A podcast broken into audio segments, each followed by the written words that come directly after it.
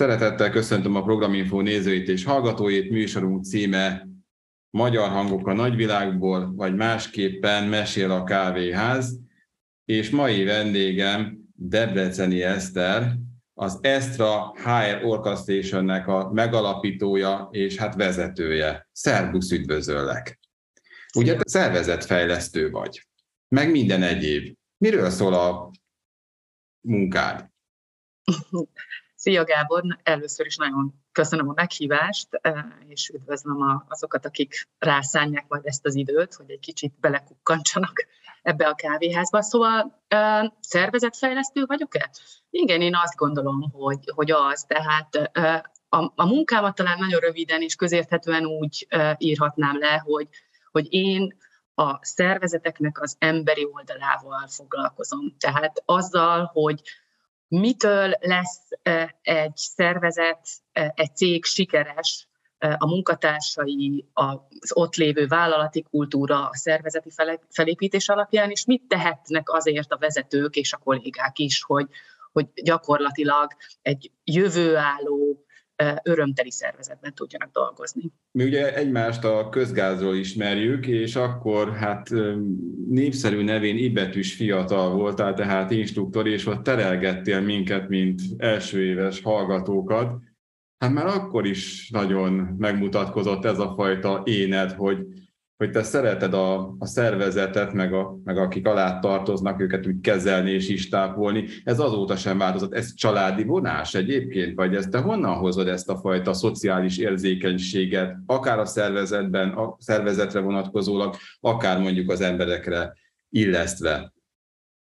Hát, hogy családi vonás, az lehet, hogy nem mondanám, bár azt gondolom, hogy nagyon büszke vagyok a családomra, mert egy szerető környezetben, egymásra odafigyelő környezetben nőttem fel. Ez érdekel, tehát mindig, mindig valahogy én azt láttam, hogy az, én az embereken keresztül töltődöm. Tehát aki ismer, az tudja, hogy, hogy mondjuk az MBTI skálán én az extraverzió, tehát a, az emberekből, a kívülről töltődők oldalán állok elég jelentősen, mindig, mindig ez adott örömet, hogy valahogy, valahogy együtt, közösen megélni olyan dolgokat, és jó dolgokat csinálni, amik vagy előbbre viszik valami, előbbre visznek valamilyen ügyet, vagy egyszerűen csak arról szólnak, hogy mindenki önmaga lehessen, mindenki megélhesse azt, hogy miben jó, és, és hát ez a dolog, ez párosult, ezért egy elég jelentős, azt gondolom, ilyen szereplési vágyjal. Erről majd lehet, hogy fogunk beszélni, hogy hogyan lettem én majdnem énekesnő, illetve nem. Tehát valahogy, valahogy ez az emberi oldal, ez nekem mindig fontos volt. Ugye te Münchenben laksz per pillanat, ha jól tudom, és hát hogy kerültél oda? Miért nem Magyarország? Mert hogy a vállalkozásoknak nincsenek határai, és ahogy láttam a honlapot, te nagyon sok magyar érdekeltségű céggel is dolgozol. Uh-huh. Uh, hát, hogy miért Németország, annak egészen egyszerű oka van. Amikor én a Microsoft Magyarország emberi erőforrás igazgatója voltam, akkor viszonylag gyorsan belekerültem egy ilyen nemzetközi tehetségprogramba a cégen belül, ami aki a multi multikat ismeri, az tudja, hogy ez azzal is jár, hogy egy idő után benne van az, hogy hogy mozgatják az embert. Tehát azt mondják, hogy rendben, belét fektetünk, izgalmas, amit csinálsz, jó vagy, próbáld meg ezt egy más területen, vagy egy másik országban, vagy egy nagyobb hatáskörrel megvalósítani, vagy megcsinálni. És Hát az csak egy véletlen volt, hogy én, én gyerekkoromban teljesen véletlenül angol helyett németül kezdtem el tanulni, tehát ez egy plusz kiegészítés volt, de amikor a közép-kelet-európai régiónak a, a HR igazgatói pozíciója megüresedett, akkor, akkor valahogy ez úgy jött, hogy ez egy nagyon jó kombináció. Én akkor még nem éltem hosszabb ideig külföldön, tehát mondhatom azt is, hogy mondjuk így a szakmai portfóliómból hiányzott, és ennyit a tudatosságról hiányzott egy, egy, egy külföldi tapasztalat, bár én mindig azt gondoltam, hogy én ebből a lehető legtöbbet személyesen fogok tanulni. Tehát a szakmai tapasztalat is nagyon fontos lesz, de, de azt gondolom, hogy amikor, amikor kikerül valaki egy más kultúrába, egy más országba, más feladattal, akkor nagyon-nagyon sok minden sokkal élesebben kezd el magáról látni, meg, megérzi, hogy mi a fontos, mi, mi az, amit otthon esetleg nem értékelt annyira. Tehát én így kerültem Németországba, és hogy miért nem Magyarország a, a, a vállalkozás. Én 2017-ben az Esztrát azután indítottam, amikor úgy döntöttem, hogy közben a két csodálatos gyerekem, akik Németországban születtek, az ő születésük után nem megyek vissza a korporét világba, és, és elkezdem magam nem is az, hogy megmérettetni, hanem megvalósítani azt, hogy amit tudok, azt különböző szervezeteknél, különböző nagyságban, különböző emberekkel tudjam csinálni, plusz akkor jött már ez a gyerekkori vágy, hogy hogyan lehetne a zenét valahogy mégiscsak belecsempészni.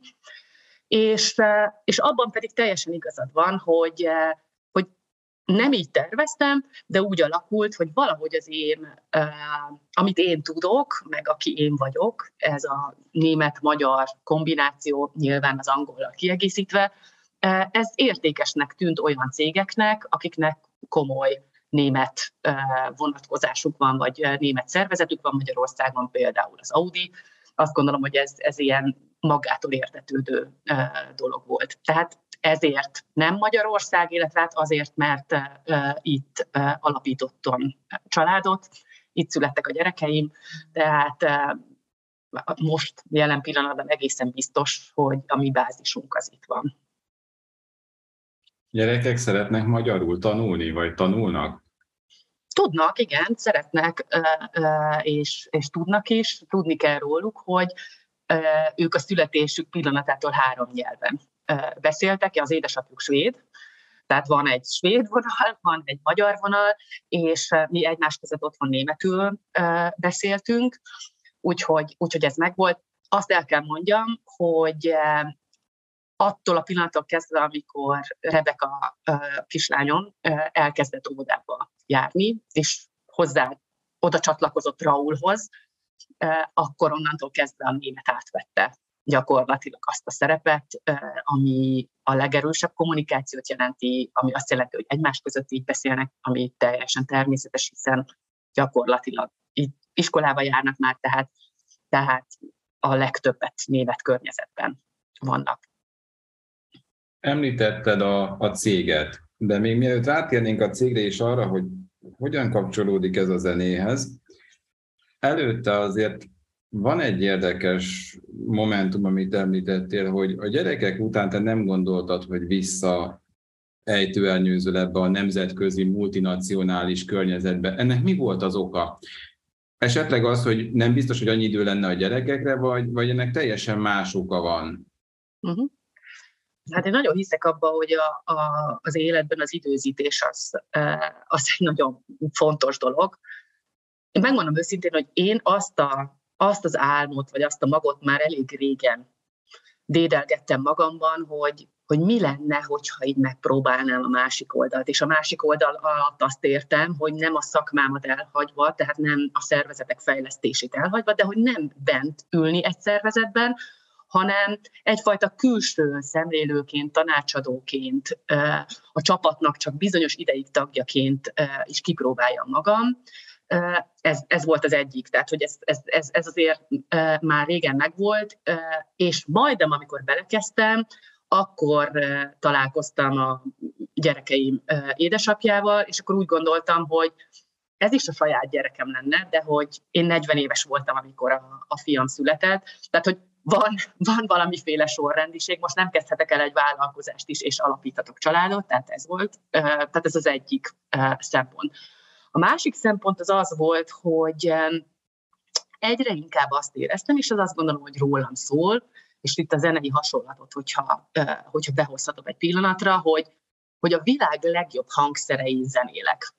Értsd ez alatt, hogy a Microsoftnál, azoknál a szervezetekben, azokban a szervezetekben, a Pepsi-ben, a DHL-ben, tehát hogy nagyon komoly HR rendszerekkel, infrastruktúrákkal, szervezetekkel dolgoztam együtt, és tényleg megkaptam hozzá szinte mindent, hogy, hogy jól végeztem a munkámat. Csak amikor rájöttem arra, hogy igen, a hangszerek azok nagyon fontosak, csak ez azt a zenét játsza, ami igazándiból az enyém. Tehát, hogy, hogy otthon vagyok én teljesen ebben. Azt érzem, hogy önazonos életet tudok élni úgy igazán. És, és én úgy éltem meg, hogy, hogy egy idő után, amikor magas pozícióba kerültem, és még egyszer elmondom, nem szeretnék általánosítani, biztos mindenkinek ez más, de én azt éreztem, hogy, hogy itt már sokkal inkább uh, bele kell simulnom abba a szabályrendszerbe, vagy abba a szervezeti kultúra, illetve a szervezeten belüli hívjuk politikának adta helyzetekbe, ahol nem tudtam már teljes mértékben magam lenni. És amikor ez a sok dolog így összejött egyszerre, közben nyilván, ami a korporétben is előfordul rengetegszer, hogy közben át is szervezték a területet, és vártak vissza, és aztán az, amit te mondtál, nyilván az is része, olyan pozíciókba kerülhettem volna vissza, ahol nagyon-nagyon sok utazással, nagyon sok külfölddel tudtam volna csak pozícióban lenni, és akkor azt mondtam, hogy nekem most már más értékek is fontosak, szeretnék értéket adni, szeretnék értéket teremteni, de mindezt úgy, hogy önazonosan és a családom mellett is tudjam hitelesen csinálni. Úgyhogy, úgyhogy gyakorlatilag ez volt az oka. Attól nem tartottál, vagy nem tartottatok így családilag, hogy, hogy egy új vállalkozásba belecsap az ember, ráadásul úgy, hogy, hogy két gyerek ott van még mögötted, vagy az első baba ott van mögötted, hogy, hogy ennek valami, tehát hogy nem lesz annyira sikeres, mint amennyire ezt elképzel, elvárod?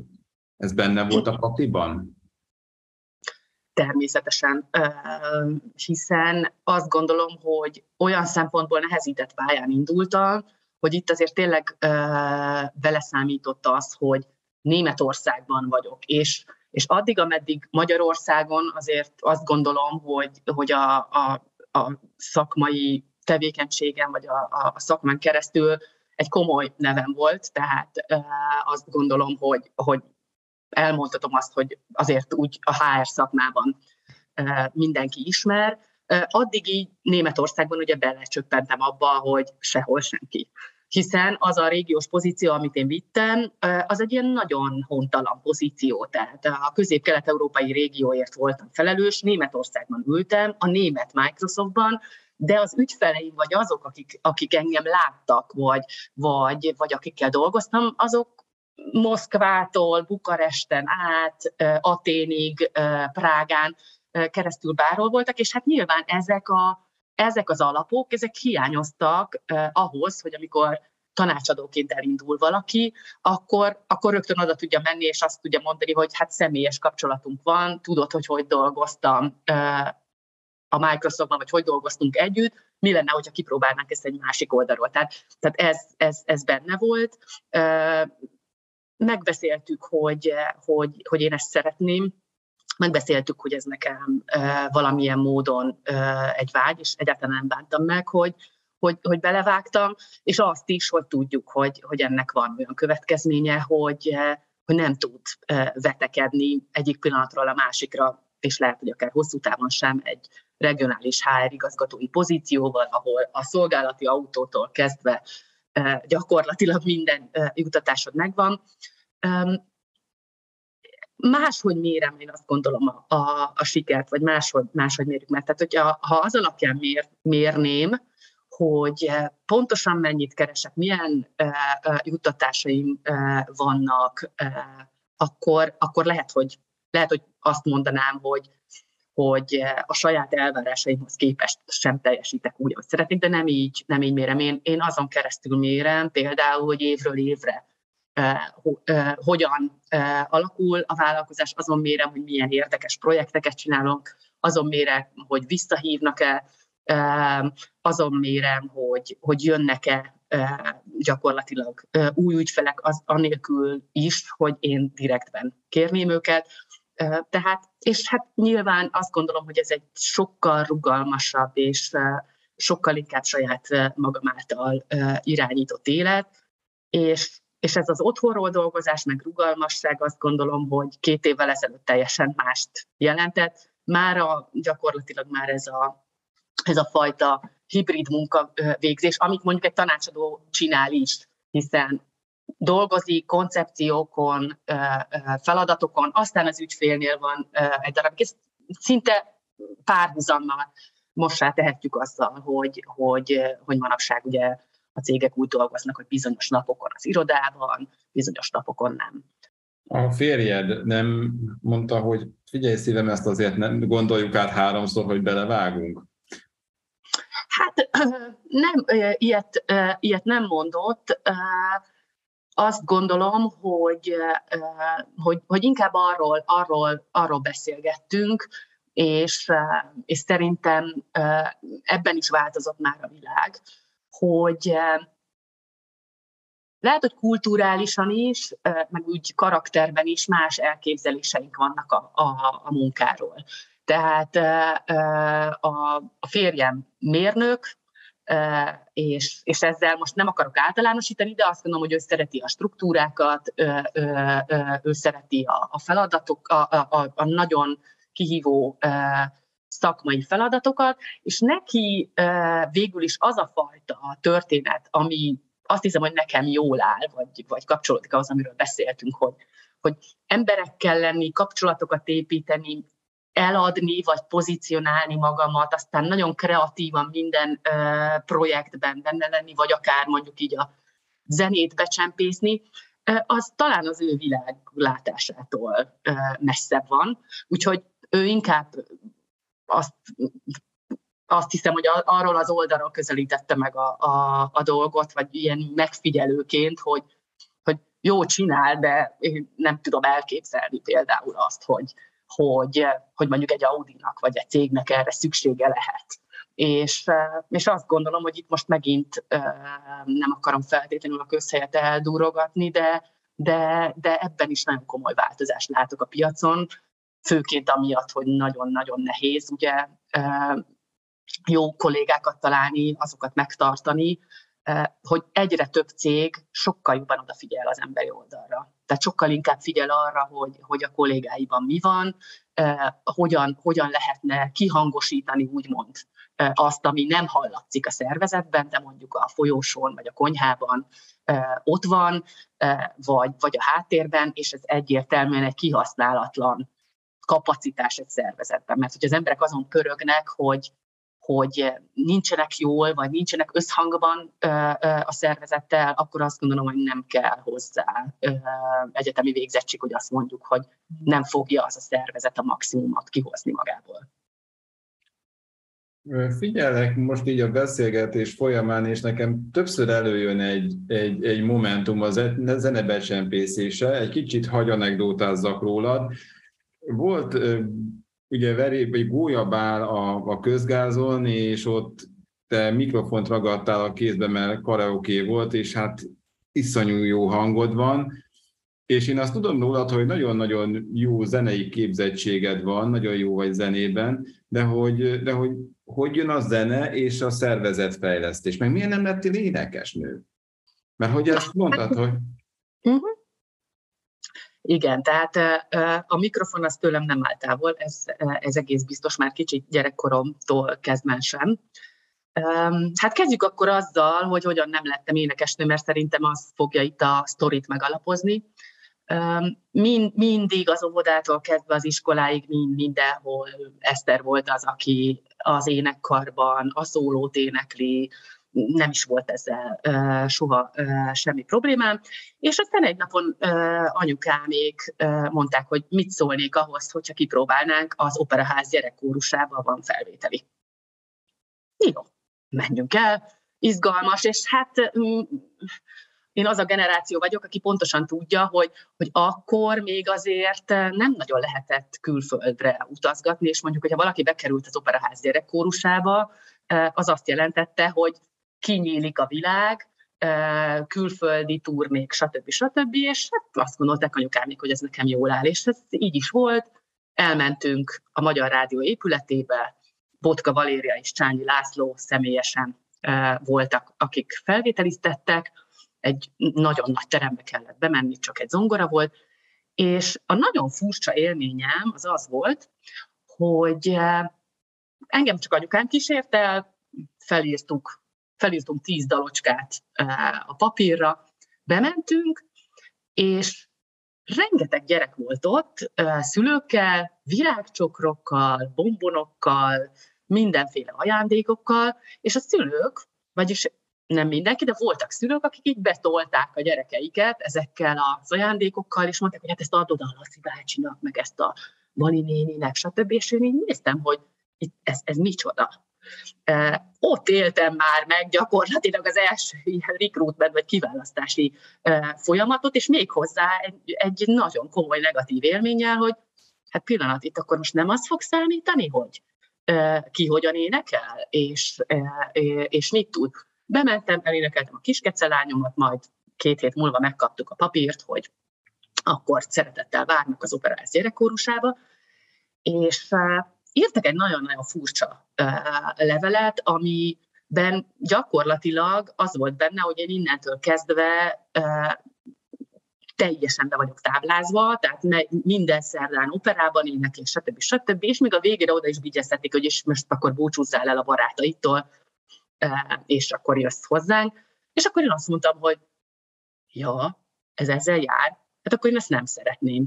És akkor a családom két pártra szakadt, és azt mondták, hogy hát egy hat éves gyerek az ne döntsön erről, itt a lehetőség. Tehát ha fölvették, mindenen. A szüleim pedig azt mondták, hogy ha nem akarja, akkor nem. És akkor jött az, hogy viszont azt mondták, hogy akkor kezdjek el nyelveket tanulni. Tehát ez volt a szülői oldal. Az én oldalam pedig az volt, hogy én azt mondtam, hogy jó, nem baj, én valahogy, valamikor egy nagy színpadon fogok állni, és ott fogok énekelni rengeteg embernek. Hát egy olyan 30, majdnem 30 év múlva ez meg is valósult.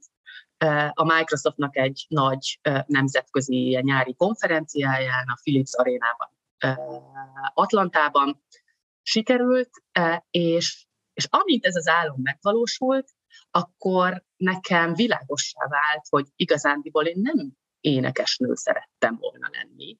Tehát nem az előadó művészet feltétlenül, ami, ami, ami izgalmas számomra, hanem az, amit a zene csinál velem, másokkal, amilyen hatása van, és, és hogy hogyan, hogyan, hogyan lehetne ezzel valamit kezdeni, és akkor elkezdtem gondolkodni azon, hogy, hogy pont amiről beszéltünk, hogy néha egy zenével sokkal könnyebb kifejezni azt, hogy mi, mi van velem, mint szavakkal.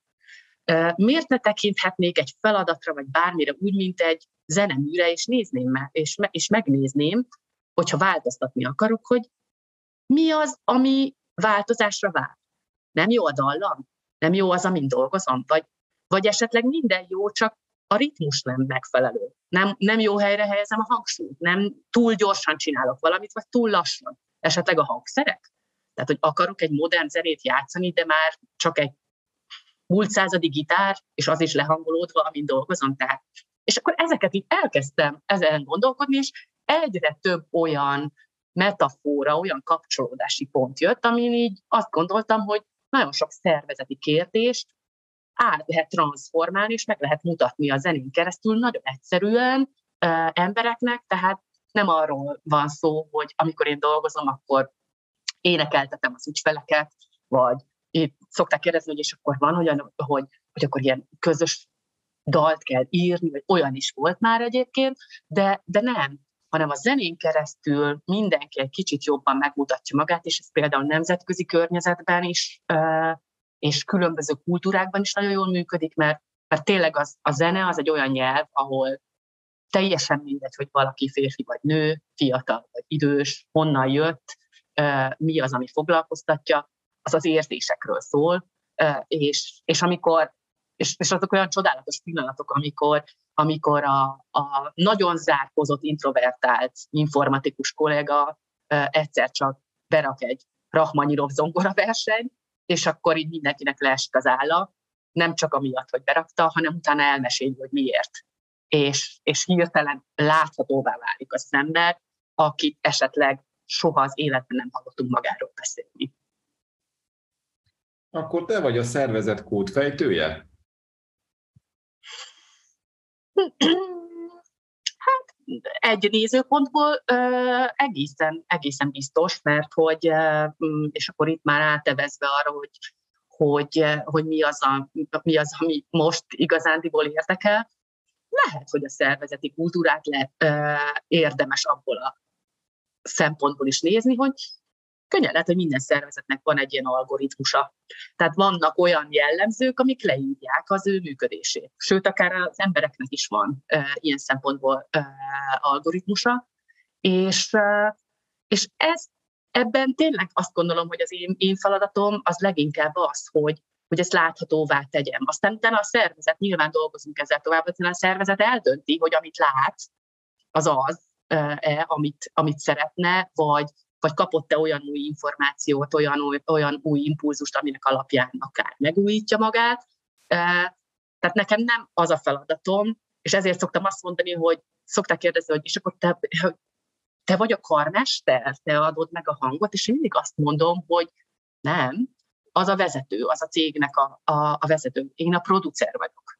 A producernek ugye az a feladata, hogy a legjobb hangzást hozza ki abból, ami éppen van a szervezetben, vagy ugye elmehetünk fiatal együttesként egy producerhez, és mondhatjuk azt, hogy nézd, én most már a, nem tudom, a Petőfi Rádió helyett szeretnék a Billboard listára kerülni, te tudod, kedves producer, hogy mik azok a kritériumok, amiknek alapján én átkerülhetnék abba a mezőnybe. Segíts nekem megmutatni, hogy mit mit tegyek azért, hogy én egy másik uh, ligában versenyezhetek. Uh, és megint csak ezek a metaforák uh, azok, ami alapján én azt gondolom, hogy hogy van, van szerepem abban, hogy, hogy, hogy ez láthatóvá váljon, és, és hogy lekerekítsem ezt a gondolatot így a hangszerekkel. Én azt gondolom, hogyha körülnézünk a mai világban, a technológiát nagyon jól lehet használni arra, hogy, hogy ezt a fajta zenét, vagy ezt a fajta közös zenélést jobbá és hatásosabbá tegyük, eljutassuk oda, ahova szeretnénk, de én, én is azok közé tartozom, akik azt mondják, hogy nem a hangszer írja a zenét, az ember írja a zenét, a hangszer az arra való, hogy azt át tudjam adni, fölnagyítsam, kiterjesztem, tehát én azt képviselem mindenféle ilyen digitális projektben is, hogy, hogy ez ez egy minimum sztereó dolog, tehát hogy van egy nagyon emberi és egy nagyon technológia oldala, de most már én egyébként Dolby Surroundnak szeretem ezt hívni, mert, mert hogy a purpose hogy miért csináljuk pozitívan, etikusan, felelősen, azt gondolom, hogy ez a hármas, tehát a high-tech, high-human, high-purpose, az, ami nekem most nagyon fontos, hogy, hogy ezt az üzenetet átadjam, és ennek szellemében dolgozzam együtt az ügyfelekkel. Hogy a különböző emberek a különböző a cégeknél, mondjuk akár egy IT is, akár mondjuk a HRS, vagy éppen a cégvezető, lehet, hogy különféle zenéket tesz be. Lehet tipizálni egyébként, hogy ki mit használ, vagy ez nem teljesen egyértelmű ennyire? Nem lehet tipizálni. Tehát nekem még gyakorlatilag nem volt olyan csoportom, illetve egyetlen egy, ahol, eh, ahol két vezető ugyanazt a, a, a zenét hozta, egy kérdésre válaszolva, eh, ami az volt, hogy mit jelent neki a, a, a változás. Tehát eh, mindig kontextusban eh, dolgozunk, tehát nem, ne úgy képzeld el, hogy és akkor hozd el a kedvenc dalodat, vagy ami megmutatja, hogy ki vagy te, hanem, hanem általában amikor, amikor egy workshop erről szól, akkor van egy hívó kérdés. Tehát vagy, vagy szeretnének jobban dolgozni együtt, vagy van előttük egy olyan feladat, ami különböző érzéseket vált ki, valakiben félelmet kelt, valakiben izgatottságot, valaki örül neki, valaki kevésbé. Tehát ezekre, és ebből a szempontból nincsen, nincsen tipikus, sőt nagyon nagy meglepetések vannak ezért is nagyon tudatosan a koncepció része az, hogy, hogy amikor, amikor megvan ez a bizonyos hívókérdés, és hogy hozz egy olyan zenedarabot, ami leginkább kifejezi azt, hogy te hogy vagy ebben benne, tehát mi, miről szól ez neked, akkor ezeket a zenedarabokat én kapom meg, én szerkeztem össze, mint egy DJ, és, és, amikor, és, és azelőtt, hogy jobban belemennénk és dolgoznánk vele, ezeket úgy játszuk le, hogy senki nem tudja, hogy ki kicsoda. és tippelni is szoktak, szoktam is kérni, és pont az, amit így mondasz, vagy ehhez kapcsolódva, hogy, hogy, hogy nagyon látszik, hogy, hogy a tipizálás, vagy az én azt gondoltam rólad, hogy biztos te vagy a heavy metal, és közben pedig ő a, a egyszál akusztikus gitár, és a nagyon csendes uh, uh, hölgy a nem tudom melyik osztályról, pedig behozza mondjuk a legkeményebb rockzenét, és akkor egy nagyon érdekes dinamika alakul ki a, a teremben, és, és, és gyakorlatilag azt gondolom, hogy, hogy a fő, fő hozadéka az, az tényleg az, hogy, hogy, hogy megismerik az emberek azt, hogy a, a felszín alatt mi van, új képet kapnak a, a kollégáikról, és érdekes az is, hogy hogyha ezek után kezdünk egy üzleti témát mondjuk feldolgozni, akkor sokkal nagyobb a bátorsága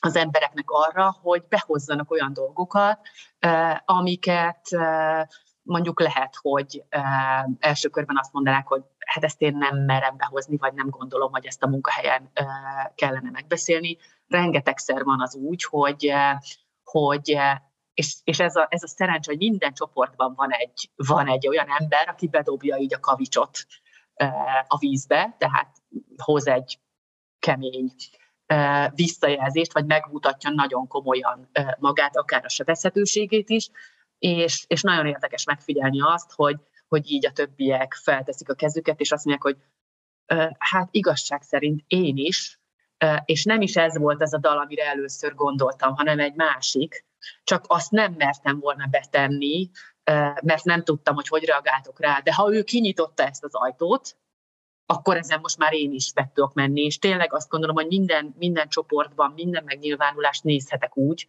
hogy ez valahol én is vagyok, és lehet, hogy az a valaki, aki, aki nagyon nagyon keményen megmondja, vagy nagyon sebezhetően oda teszi magát, az is én vagyok, csak mondjuk például nekem arra nincsen engedélyem. Úgyhogy nagyon hálás kell lenni azoknak a kollégáknak, vagy azoknak a résztvevőknek, akik igazándiból láthatóvá válnak. Mert ez akkor működik igazán, hogyha, hogyha nem új gyakorlatból hozok egy rádiós lágert, és túl akarom élni a feladatot. Ilyen is volt már egyébként, hogy, hogy idősebb mérnök azzal jött nekem vissza, hogy amikor megkapta ezt a feladatot, akkor higgyem el, hogy melegebb éghajlatokra küldött volna legszívesebben, mondta, hogy most ezzel ő mit csináljon. Tehát az érzéseit kéne megmutatni egy dalon keresztül, úristen, hát ez lehetetlen. És, és direkte mindig két-három héttel hamarabb küldöm ki ezt a feladatot, mert, mert az látszik, hogy az emberek ezen elkezdenek gondolkodni, elkezdenek máshogy zenét hallgatni. Sőt, van, aki azt mondta, hogy csak meg tudtam fogalmazni az érzést, és, azt, és a fiamat kérdeztem meg, hogy mondjál már nekem egy olyan dalt, amiben az van bent, hogy. És akkor ezen keresztül megismertek egy másik előadót, vagy, vagy tehát, hogy, hogy, hogy nagyon, nagyon érdekes dinamikákat hoz be, és, és, és aztán ez, a, ez az úr mondta nekem, hogy ő sose gondolta volna, megtalált egy olyan zenét, amin, ő, amin keresztül ő meg tudja mutatni, hogy neki mit jelent ennek a csapatnak a, a vezetése. Ezt ő szavakkal nem bírta volna elmondani, vagy csak nagyon közhelyesen is. És ezek azért nagyon komoly dolgok, azt gondolom, vagy én legalábbis azt hiszem, hogy ezek, ezek ilyen kincsek, és ezek ott vannak a szervezetekben, csak egyszerűen az online térben levés, a, a felszínes kommunikáció, és azt, hogy nem, nem vagyunk unplugged, és nem húzzuk ki a dugót, ami, ami alatt egyrészt nem csak azt értem, hogy fizikálisan találkozunk és beszélgetünk, nem csak képernyőn keresztül, hanem azt, hogy kreatívan vagyunk offline-ok. Tehát amikor offline vagyok, akkor valamit megmutatok magamból. Ha ugyanazt csinálom, szemtől szembe is, mint mondjuk egy képernyőn keresztül, tehát nem kommunikálok mélyebb dolgokat, nem osztok meg dilemmákat, stb., akkor teljesen mindegy, hogy találkozunk személyesen, sőt, hát én is ültem olyan céges tréningeken, ahol mindenkinek föl volt csapva a laptop, és az emberek ültek, és ott voltak fizikálisan egy teremben, de nem gondolom, hogy történt ott valami. Nekem az a feladatom, hogy amikor ők kilépnek ebből a megszokott környezetből, és a balacsféltek és nagyon számokra, üzleti dolgokra fókuszáló működésüket egy kicsit áttegyem a jobb oldalra, akkor, akkor olyan kreatív megoldásokat, vagy olyan dolgokat vegyenek észre, amit egyébként nem vettek volna. Mert nekem a kreativitás igazándiból valahol erről szól, meg a változás is, hogy, hogy elkezdek észrevenni olyan dolgokat, elkezdek bizonyos dolgokat úgy kombinálni, ami soha nem jutott uh, uh, eszembe, nem feltétlenül az, hogy én egy kreatív ügynökségben reklámokat írok, hanem, hanem ez, hogy merek. A kreativitás az arról szól, hogy gyakorlatilag bármit el tudok képzelni abban az adott pillanatban. A megvalósítás az mindig egy másik történet, de de az, hogy ezek a szikrák, ezek az ötletek, ezek a, ezek a, ezek a dolgok felszíre kerüljenek, azt szerintem nagyon fontos. Volt-e nagy meglepetés mondjuk a vezetőknél? Mert ugye a vezetők mindig elképzelik a beosztottat, vagy az, a kollégájukat valaminek, beteszik egy skatujába, szokták volt mondani vezetőknek, hogy nem szabad skatujázni, de hát ez akarva akaratlanul előfordul. És amikor ez mondom megmutatja, hogy milyen változatosak a kollégák, mondjuk úgy néha csak szerepet játszanak, mert nem mernek, akkor mi a, mi a vezetők reakciója? Mit szólnak ehhez? Tehát nagyon meglepődnek? Hát azt kell, hogy mondjam, hogy az a vezető, aki, aki ezt a fajta workshopot felvállalja, és azt mondja, hogy jó, akkor csináljuk így, abban azért már megvan az a fajta nyitottság, és erről beszélgetünk is a, a vezetővel, hogy ő ott ugyanúgy egy, egy szereplő, tehát nincsen, nincsen hierarchia ugye a, a, ilyen, ilyen szempontból, tehát de zenékben sincs, hogy nem tesszük a operát magasabbra, mint, mint a, nem tudom, a mulatós zenét, csak azért, mert azt gondoljuk. Tehát ez a, a hatás mindig, ami, ami fontos. Tehát, tehát az, az első az, hogy hogy az a vezető azért már érzékenyebb. De ennek ellenére vannak igen meglepetések. Talán nem is a, a, a skatujázást mondanám, illetve ha skatujázás, akkor, akkor inkább azzal kapcsolatban, hogy, hogy azt az élményt, amiben a kollégám van, azt lövöm be máshova. Tehát mondok egy példát, volt egy olyan csoportom, ahol egy képzéssel és fejlesztéssel foglalkozó csapat szerette volna azt a szerepet felvállalni és abban fejlődni, hogy, hogy hogyan tudunk mi a digitalizáció vagy a digitális transformációnak a nagykövetei lenni. És, és akkor ez volt a, a, a kérdés első körben, hogy nekem mit jelent ez a, a digitalizáció, vagy ezzel foglalkozni. És és, és nagyon érdekes volt, hogy, hogy volt olyan, aki behozta a Daft Punkból a robotrockot, és azt mondta, hogy én ezt imádom. Én nagyon szeretem, izgalmas, tudom képzelni enélkül, stb. Volt, aki behozta, ez egy német nyelv környezetben volt, a Die Fantastischen Viertől a Mit Freundlichen Grüßen című számot, amiről egyszerűen csak annyit kell tudni, hogy az egész szám nem szól másról, mint hogy három betűs rövidítéseket mondanak egymás után, hogy ARD, ZDF, stb. stb. És ő meg azt mondta, hogy én ezt úgy élem meg, hogy mire megfejtem az első kettő rövidítést, addigra már húsz másikat mondtak. Tehát nekem a digitalizációval nem az a bajom, hogy nem szeret. Én nagyon szeretném, de nem bírok ennyire gyorsan felpörögni. Aztán volt a, a, a következő ember, aki meg nem is csinálta meg a házi feladatot, és aztán utána mégis elővette a telefonját, és azt mondta, hogy egy pillanat, és bepötyögött valamit a telefonjába a YouTube-on, és berakta a Gloria Gaynor-től az I Will Survive-ot. És azt mondta, hogy na én meg, megmondom őszintén, hogy se felpörögni nem tudok, se nem értem, én azt érzem, hogy fel kell vennem ezt a szerepet, nekem kellene példaképnek lenni, de hát én, én azt se tudom, hogy eszik vagy iszák.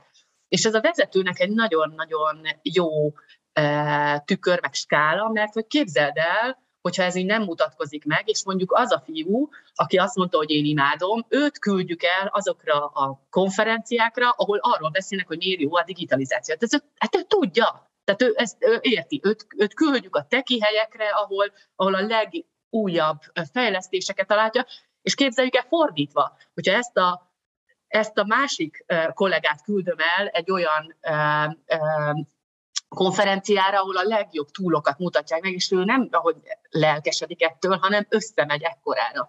Tehát, tehát ez, e, ebből a szempontból nagyon érdekes, illetve abból a szempontból, hogy ez mindig segít így szétszálazni dolgokat, mert most, ha csak ezt a példát veszem, arról is beszéltünk, hogy mindenki érezheti magát uh, példaképnek, mert mi az, hogy példakép? Tehát az a kolléganő, aki összezuhant, én azt gondolom, hogy nagyon sokan vannak a digitalizáció kapcsán ugyanilyen élményben. Ő például lehet abban egy példakép, hogy ezt megmutatja. És azt mondja, hogy figyeljetek, én abban fogok segíteni, hogy veletek együtt tanulok. A másik ember abban lehet példakép, hogy ő fogja hozni a legfrissebb információkat. Tehát nagyon-nagyon sok teret ad arra, hogy nekem, nekem is, mint, mint aki vezetem ezt a workshopot, illetve a vezetőnek is az ebből jött információk alapján hogyan menjünk tovább. Tehát hol, hol esik le úgymond a tantusz, hol van az, hogy ja, akkor már értem, hogy ezért nem haladunk, mert, mert őt, őt közelebb kell hozni, őt egy kicsit le kell lassítani, vagy, vagy máshova tenni, tehát hogy, hogy, hogy át lehet adni ezt a fajta karmesterséget eh, azzal, hogy, hogy együtt kitaláljuk, hogy na, akkor, akkor a potmétert az kinél, merre, hogyan, vagy az egész csapatnál hogyan eh, lehet úgy mozgatni, hogy végén elérjék azt a célt, amiért ez az egész volt. És, és vannak meglepetések, az egyik legszebb példa, ez a Rachmaninov zongora versenyes példa, ez, ez valóban úgy volt, hogy itt, itt a vezető volt az, aki ezt a példát behozta, és, és amikor elmesélte, hogy, hogy miért ezt, akkor, akkor azt mondta, hogy, hogy azért, mert úgy érzi magát, mint, mint az a magányos, és ezt is hozzátette egy magányos zongorista, aki, aki valaha az egész uh, zenekarér volt felelős, de most már csak a fődallamot játszhatja. És ez egy startup volt, uh, ahol ők már túlléptek ugye azon a fejlődési körön, hogy egy egyszemélyes, párszemélyes cégből nőttek mondjuk 40-50-né, uh, elkezdte a, elkezdett a szervezet bővülni, meg kellett osztani a vezetést, és hozott be új kollégákat, akik meg úgy élték meg, hogy mindenbe beleszól, mindent kontrollál, semmit, semmit nem enged, nem bírja ezt a dolgot elengedni, és amikor, amikor, amikor valahogy rájöttek arra, és kiderült, hogy hát senki nem találta ki, hogy ez ő volt ennek a zenének az alapján, és amikor kiderült, hogy másról van szó, tehát arról van szó, hogy ő nagyon nehezen engedi el azt a gyereket, amit ő alkotott meg, és nem kontrollálni akarja a többieket, hanem a saját biztonságát szeretné, és nem lát rá más eszközt, akkor ez megint csak egy ilyen új beszélgetés, hogy aha, akkor te nem is biztos, hogy freak vagy, én betettelek téged, akkor mondjuk ki, akkor én betettelek téged ebbe a statujába, pedig e mögött nem ez van. És akkor elkezdődhet egy ember és ember közötti kommunikáció, ami, ami szerintem mindig messzebb visz, vagy, vagy, vagy újabb perspektívákat hoz. Hallgatlak itt, és közben felmerült egy nagyon alap kérdés ezzel kapcsolatban, hogy ez egy nagyon új szemléletű megközelítés a szervezet fejlesztésnek, a szervezeti problémák kibontásának, amit te itt kitaláltál és véghez vittél, megalkottál. Ez mennyire népszerű most manapság? Tehát mennyire látod azt, hogy, hogy ezt nagyon szívesen alkalmaznák a a nagyobb cégek is, akár a kisebb cégek is, mert hogy, mert hogy a zenét mindenki szereti. Tehát, hogy mennyire népszerű ez? Mm, nagyon érdekes, mert még azt el kell mondjam ahhoz, hogy amikor én gondolkoztam a vállalkozásomon, és gondolkoztam azzal, hogy mit csináljak, akkor én először nem mertem feltétlenül ezt a vonalat nagyon kidomborítani. Azt gondoltam, hogy sztereotípiák valamilyen szinten, hogy Németországban vagyunk, struktúrák, rendszerek, érzések. Mm, Eszter, legyél te csak a professzionális tanácsadó, aki nagyon jó HR rendszereket tud építeni, HR stratégiát, stb. Ezt a zenés dolgot, ezt meg majd, majd ha már bent vagy, akkor így említs meg, hogy hát van ilyen is a, a, a portékában, és a, amikor egyébként az egész koncepció kialakult, akkor együtt dolgoztam. Németországban egyébként nagyon komoly segítséget kap mindenki, aki céget akar alapítani, komoly olyan tanácsadókat vehetsz igénybe, aminek, amilyen tanácsadói, tanácsadói díjnak a 80%-át a, a német állam visszafizeti neked arra próbál ösztökélni, hogyha már indítasz egy vállalkozást, akkor az lehetőség szerint jól induljon. És, és akkor az egyik hölgy, akivel dolgoztam, ő azt mondta, hogy, hogy neki van egy ilyen hármas gondolata, hogy akkor sikeres egy ilyen vállalkozás, hogyha ha van benne tehát ha, van benne analitika, értsd alatta, hogy így megértettem, hogy ez miről szól, ismerem a piacot, van benne kreativitás, és van benne bátorság. És amikor én mutattam neki, hogy hát így erre gondolik, de hogy egy kicsit ezt így vigyük le, mert nem tudom, hogy ez így hogy landolna, akkor azt mondta, hogy Eszter, e, ez, ez a háromlábú szék, ez, ez, ez, ez nem áll meg.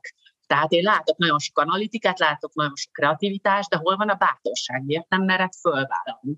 És amikor ez így átfordult, akkor onnantól kezdve e, sokkal erőteljesebben csináltam, és nagyon érdekes volt, hogy nagy cégeknél is, tehát a Shell, Audi, DLL, uh, Unión biztosító. Tehát itt is az volt, hogy azt mondták, elmondtam, hogy miket tudok, és akkor így először még azért tényleg azért félve, hogy és akkor van még ez, és akkor azt mondjuk, hogy egy pillanat, akkor ezt felejtsem el, mi volt ez a van még ez?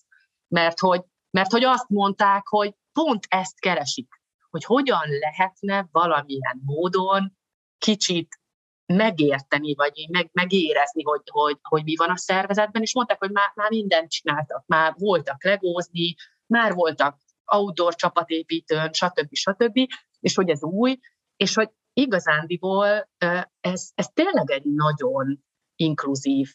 Tehát én megértem azt, hogyha mondjuk egy csapatépítő tréningen nem mindenki szeretne bungee jumpingban leugrani, a nem tudom honnan, és, és hogy vannak olyan feladatok, aminél vala, valakinek az tényleg a, a személyes határait feszegeti.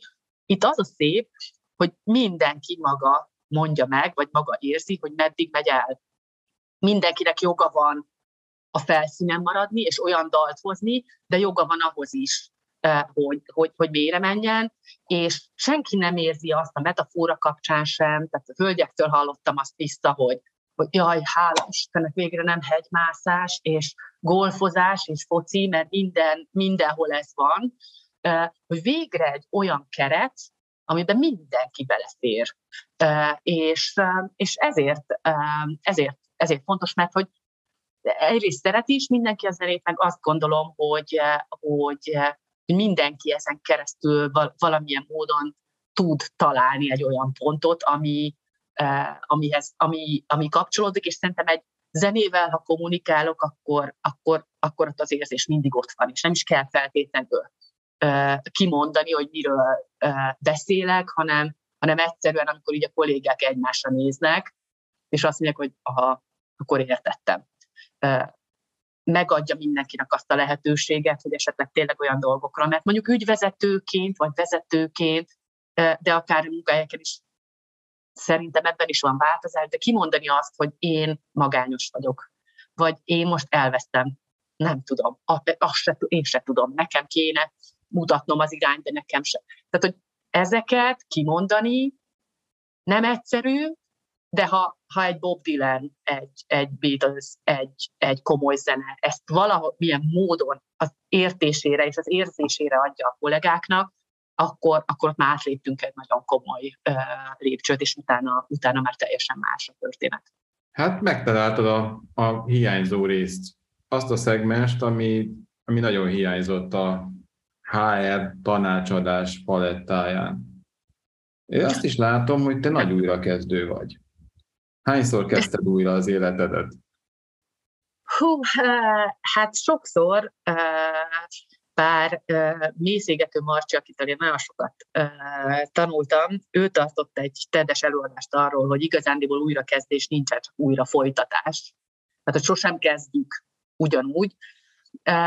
Jó párszor szakmailag is nekem volt a karrieremben olyan történet is, amikor nem magamtól váltottam, amikor megéltem azt, hogy milyen az, amikor Amerikában eldöntik, hogy akkor így a közép-kelet-európai régió központ az egy felesleges vízfej, és egyik pillanatról a másikra az ember házon kívül találja magát. Hát nekem most a nagy újrakezdés mindenképpen a 2020-as évhez kapcsolódik, és nem a koronához. hanem nekem személyesen egy baleset után kellett gyakorlatilag minden szempontból talpra állni, és, és újra gondolni, vagy újra kezdeni a dolgokat, amihez nyilván a, akár a saját életem, vagy a saját vállalkozásom kapcsán az is hozzájárult, hogy, hogy a világ hogyan változott, bár pont abba az irányba ment, amiben én egyébként is már sokat motoroztam, tehát a, a, a digitális oldalra, de, de azt gondolom, hogy, hogy a, a személyes a, a, a személyes történetek, illetve azok a nehézségek, amikkel én szembenéztem, és hogy, és hogy, hogy most például már egyedülálló anyukaként élek a, a gyerekeimmel, és ennek megfelelően kell összeorkesztrálnom a saját életünket. Ez, ez egyrészt nyilván nehéz, másrészt meg mindig alkalmat ad arra, hogy így megnézem azt, hogy most mire vágyom most. Mi az, ami most fontos. Tehát én azt gondolom, hogy, hogy sokan hajlamosak vagyunk arra, hogy akár mondjuk a karrierünket is tekintjük, hogy hát én mindig háres voltam, vagy én mindig vállalatban dolgoztam, vagy mindig ezt csináltam, majd pont én elmondom őszintén, jövőre leszek 50, majd pont 50 évesen fogok valamit teljesen más csinálni, hát nem, hát hogy lehet. Nem szeretném feltétlenül, hogy azt definiáljon csak és kizárólag, hogy mit értem el és mit tettem, már a tettek, és, és, és az, amit le tud tenni az ember az asztalra, az nagyon fontos. Én szeretném ezt a fajta kreativitást nagyon sokáig megőrizni, és, és azt a fajta bizalmat, ilyen ősbizalmat, hogy, hogy az, aki vagyok én, az, az önmagában is érték, az a tapasztalat, meg, meg azok az élethelyzetek, amiket, amiket én megoldottam, vagy nem oldottam meg, de, de ezen keresztül valami új történet bukkant elő, vagy új emberek jelentek meg az életemben. Tehát, hogy így szeretném megadni magamnak azt az esélyt, hogy, hogy merjek úgy dönteni, mindig, ahogyan éppen az adott vágyaim súgják, vagy, vagy, vagy, vagy mondják, és ez nyilván nem jelenti azt, hogy, hogy biztosítás nélkül le kell ugrani a szakadékba, ez legyen akár szakma, vagy, vagy bármi. Tehát pontosan tudtam, amikor elkezdtem a vállalkozást, hogy, hogy tartalékkal érdemes ebbe belekezdeni, de hogy, hogy szeretném ezt a fajta változásbiztonságot megtartani. Tehát az, hogy nem feltétlenül félni tőle, illetve ha félek tőle, akkor ne az legyen a válaszom, hogy ja, akkor visszaveszek a vágyaimból, és azt mondom, hogy ja, hát akkor ez, ó, hát most már egyedülálló anya vagyok, akkor most már én nem lehetek ez, de egyébként ötvenesen már, ó, és, és Magyarországon, tehát hogy az összes ilyen hiedelmet, amikor így elkezd így szólni a, a fejemben, akkor tudjam úgy kezelni, hogy igen, ez van, de én mégis erre vágyom. Ne abba az irányba megyek, hogy lecsavarom a saját érzéseimet és a saját vágyaimat, hanem keressek ahhoz segítséget, olyan biztonságos környezetet, embereket, meg hát nyilván kapcsolódjak magamhoz úgy, hogy, hogy kevésbé legyen félelmetes mondjuk egy változás irányába lépni. Most már csak az a kérdés, hogy Debreceni Eszter mire vágyik éppen most. Aha. Debreceni Eszter mire vágyik éppen most? Um, ez nagyon jó kérdés. Uh, azt gondolom, hogy uh, még, még, még jobban szeretném erősíteni magamban ezt a, ezt a fajta rugalmasságot, és, és szeretném, hogyha, hogyha most ez egyébként is sokszor volt jellemző az én életemben, hogy, hogy a szakmai rész és a, a, a, az, az, ami arról szól, hogy tudás és karrier, az, az, az robog és rendben van, és hogy valahogy a, a másik oldal ezzel nem tud egyértelműen táncolni. Annyit mondanék, hogy azt hiszem, hogy arra vágyom, hogy, hogy egy olyan teljes kerekegész családi környezetben lehessek megint, eh, ahol a szakmai és a, a szakmai vágyaimat megélhetem, nőként megélhetem azt, amit nőként, vagy amire nőként vágyom, és, és, és a gyerekeimnek pedig egy olyan családot tudjak adni, ahol, ahol azt gondolom, hogy, hogy, hogy boldogan és ugyanilyen szemléletben tudnak növekedni. Lesz, aki folytatja? Amit elkezdtél? Szerintem, szerintem biztos, mert, mert hogy a másik dolog, és most, hogy így rákérdeztél, azt gondolom, hogy ez, ez, ez, ez a dolog így bekapcsol. Én most, engem most nagyon érdekel az is, hogy hogyan építsünk közösségeket, illetve hogyan, hogyan vigyünk be ilyen nagyon emberi szemléletet mindenbe, amit csinálunk, és hogy ismerjük el, hogy a munka világában is van helye az érzéseknek, és nem kategorizáljuk őket. Tehát, tehát azt gondolom, hogy, hogy én azt fontosnak tartom, hogy, hogy ezen keresztül valaki, illetve más tanácsadók is, vagy vezetők vigyék ezt a fajta szemléletet tovább, hogy egy stafétabot átadás, mint olyan lenne, azt még úgy nem tudom elképzelni. Azt látom a, a gyerekeimen, hogy, hogy, hogy talán ők már egy olyan világban, vagy egy olyan környezetben nőnek fel, ahol sokkal több a választási lehetőség, és, és ahogy, ahogy látják rajtam is, hogy, hogy, hogy ez hogy az érzéseknek és a láthatóságnak milyen szerepe van, én ezt nekik meg tudom mutatni, és azt tudom mondani, hogy, hogy ez akkor is, hogyha félelmetes, és akkor is, hogyha ha nehéz, mégis az az út szerintem, ami, ami előre visz. Így azt gondolom, hogy ők valamilyen szinten biztosan tovább fogják vinni ezt a, ezt a stafétát, és még az is lehet, hogy, hogy majd, majd egyszer engem vonz a tanítás is, a, a, esetleg a könyvírás, tehát még simán az is beleférhet, hogy, hogy ez a tapasztalat átadás, vagy, vagy, vagy stafétabot átadás, az egy ilyen formában valósul majd meg valamikor. Hirtelen magadnak ilyen bakancslistához hasonló vágylistát, amit az ember időről időre átnéz és kipipál, vagy még újat tesz hozzá? Nem vagyok ilyen lista írogatós, megmondom őszintén. Én, én a tudó listákat sem annyira szeretem, én bevezettem a tubi listákat, ami, ami inkább arról szól, hogy, hogy nem is az, hogy mit akarok csinálni, vagy mit kell csinálni, hanem én ezt milyen, milyen állapotban, vagy milyen élményben, kikkel, hogy szeretném csinálni. Hát ilyen, hogy, hogy valamit mindenképpen, azt, azt, most, azt most így azt nem érzem, hogy így, így kiemelnék. Egy dolog van nekem, ami, amit azt hiszem, hogy, hogy mégis valahogy szeretnék megvalósítani, és aztán majd kiderül, hogyha odaérünk, hogy ez, ez bakancslista-e, vagy, vagy, vagy minek a szimbóluma. Nekem van egy ország Európában, ami a szívem csücske, ez Portugália én valahol azt érzem mindig, hogyha ha ott vagyok, és szintén embereken keresztül kerültem közel ehhez a világhoz, mert amikor passzolban tanultam, akkor egy portugál lányjal laktunk ugyanabban a, a kollégiumban, és valahogy teljesen természetes módon összejöttünk, és onnantól kezdve az összes portugál, spanyol és eszter találkozók voltak.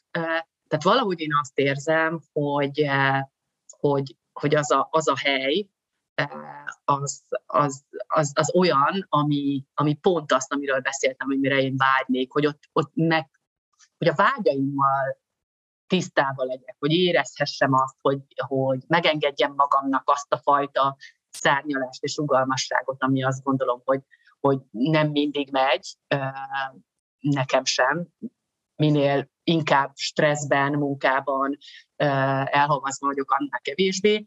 Tehát, tehát hogyha ha bakancslistásnak nevezhető az, hogy én szerintem nem Németországban fogom, fogok megöregedni, vagy nem Németországban szeretném az életemet hosszú távon eltölteni, hanem, hanem inkább mennék mondjuk Portugália felé, akkor, akkor ezt, ezt mondanám. Mintha, mintha erről beszélgetünk is, mint hogyha a két nép között lenne valamiféle olyan, olyan kapocs, ami próbáltam megfejteni, hogy lehet, hogy azért, mert hogy ilyen nagy hatalmaknak az árnyékában, tehát hogy ugye Spanyolország és Portugália, de hogyha megnézzük, és most megint a zene, a fádó, az abban valami olyan mélység van, és felvállalt megmutatkozás, vágyakozás, és, és ugye mi magyarok is mondjuk azt, hogy sírva vigadunk. Tehát, hogy van, van benne valamiféle ilyen szentimentális világ nézet vagy felfogás, és, és az engem így nagyon, nagyon megtalál és nagyon azt érzem. Ugyanakkor ott van, ott van a, a, a, a nagyon vidám, a nagyon boldog oldal, de hogy például ez nekem a, ő, óriási különbség Spanyolország és Portugália között. Spanyolországban nem érzem ezt a, a, a, a mélységet. Tehát ott, ott, ott szeretnék lenni, sokkal több időt, és, és az is lehet egyébként, hogy nem fogom megvárni, még nyugdíjas leszek.